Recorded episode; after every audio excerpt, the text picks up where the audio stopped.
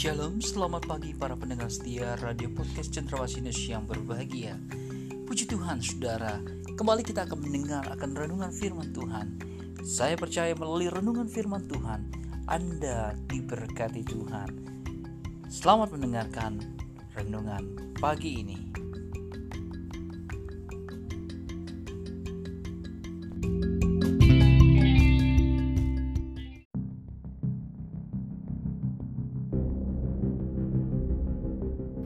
Halo Shalom para pendengar Cendrawasih News, apa kabarnya? Saudara-saudaraku yang kekasih, kita Mazmur pasal 36 ayat yang ke-6 katakan begini. Ya Tuhan, kasihmu sampai ke langit, setiamu sampai ke awan. Saudara-saudaraku, di masa yang sulit ini seperti sekarang, banyak orang Kristen yang mulai goyah imannya mereka mulai meragukan kasih dan penyertaan Tuhan dalam hidup ini. Dan kalau kita masih saja meragukan kasih setia Tuhan dalam hidup ini, artinya kita adalah orang-orang yang tidak tahu berterima kasih. Sama seperti sembilan orang yang sakit kusta yang sudah disembuhkan Tuhan Yesus, yang setelah sembuh mereka langsung pergi meninggalkan Tuhan tanpa berterima kasih kepada Yesus. Bukankah di setiap langkah kita, di mana pun dan ke mana pun kita pergi, Tuhan adalah Immanuel, Tuhan yang selalu menyertai kita. Kita masih bisa bernafas sampai detik ini saja. Itu semua karena kasih Tuhan. Katakan amin. Dan Rasul Paulus dalam suratnya menegaskan bahwa Tuhan adalah kasih, dan dalam hal mengasihi, bukan kita yang mengasihi Tuhan, tapi Tuhanlah yang telah mengasihi kita. Pernyataan bahwa Tuhan adalah kasih memberi pengertian kepada saya dan saudara bahwa Tuhan adalah sumber kasih itu sendiri sehingga Tuhan tidak dapat dipisahkan dari sifat dasarnya yang adalah kasih. Saudara-saudaraku pendengar Cendrawasih News, karena kasih adalah karakter Tuhan, maka segala perbuatan Tuhan pun senantiasa bermuatan kasih. Di dalam Tuhan ada kasih yang berlimpah-limpah. Terlebih ketika Yesus mati di atas kayu salib buat saya dan saudara, itu adalah bukti kasih yang terbesar bahwa Yesus sangat mengasihi hidup kita.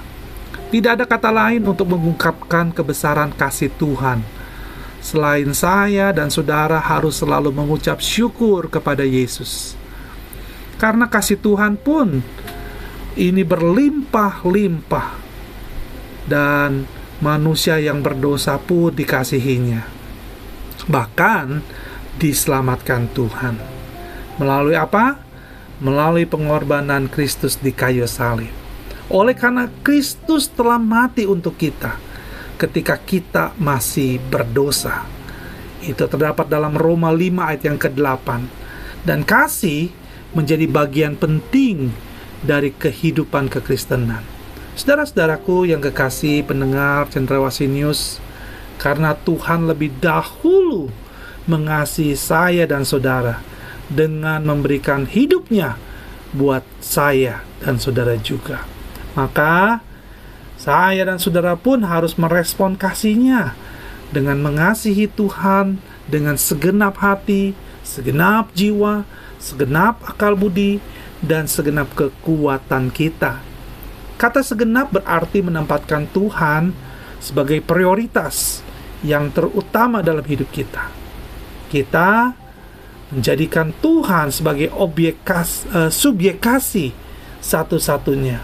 Tidak ada siapa pun dan apa pun yang kita kasihi melebihi kasih kita kepada Tuhan. Banyak orang lebih mengasihi uang dan hartanya daripada mengasihi Tuhan. Kita lebih mengasihi bisnis kita daripada mengasihi Tuhan. Waktu-waktu kita pun tersita untuk perkara-perkara dunia. Saudara-saudaraku, kasih Tuhan kepada saya dan saudara sungguh tidak terbatas. Dan pertanyaannya yang terakhir, bagaimana kasih saya dan saudara kepada Yesus? Mari, ini adalah renungan pagi hari ini. Kita percaya kita boleh diberkati sepanjang hari ini dengan mengasihi Tuhan. Puji Tuhan, selamat beraktivitas dan Tuhan Yesus memberkati. Shalom.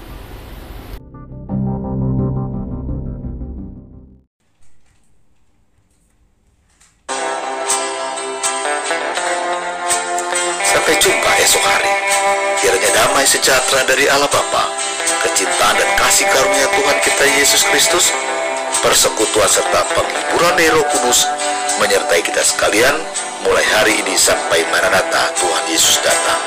Amin.